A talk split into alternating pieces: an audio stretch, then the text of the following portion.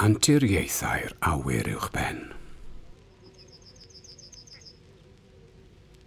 Er edrych, ni welais weddysau'r gwynt yn chwythu ei anal yn gynt ac yn gynt.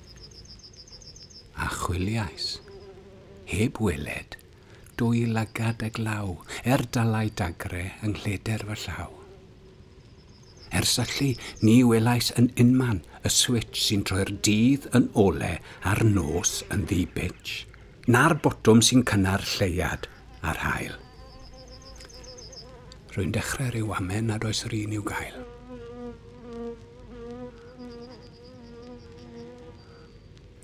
Ni welais yr un rewgell yn llawn eira man na'r un fellten ffyrnig yn cael glo ar ei than. A beth am yr enfus, sy'n lliwiau i gyd? A welais i'r peintio? Dwt, naddo. Dim byd. Ond pan ddaw'r cymylau, rwy'n gweld ar fy ngwir fyddin o ddreigiau rhwng yr awyr a'r tir a chyn pendym amser mae'r ddraig yn troi'n gi, a'r ci yn troi'n ddafad. A weled i hi, mae Cymru'n ymddangos, a bus hir pen llun yn cyffwrdd trwy'n dewi, gen diflannu o'r llun, ac yna, yn sydyn, mae hen ddewin cas yn hila'r cymylau drwy'r holl awyr las, nes cyrraedd y mynydd lle mae un cwmwl mawr yn chwerthin wrth dyfu cyn dewed a chawr.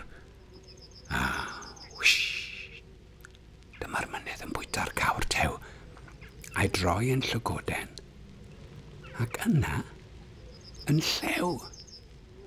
Mae'r llew a'r llygoden yn cwrdd a babŵn babŵn y ymyle, wel dyna chi sŵn. Sŵn rio a gwychian, sŵn chwerthin a cawr ac yna mewn munud. Sŵn dagrau ar lawr.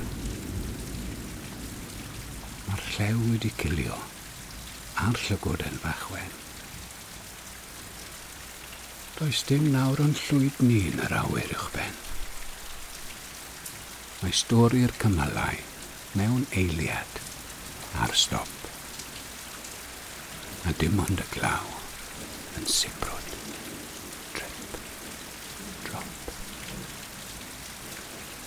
Ac os oedd heb ddeall, y tywydd uwch ben. Rwy'n deall storiau cymylau'r nen.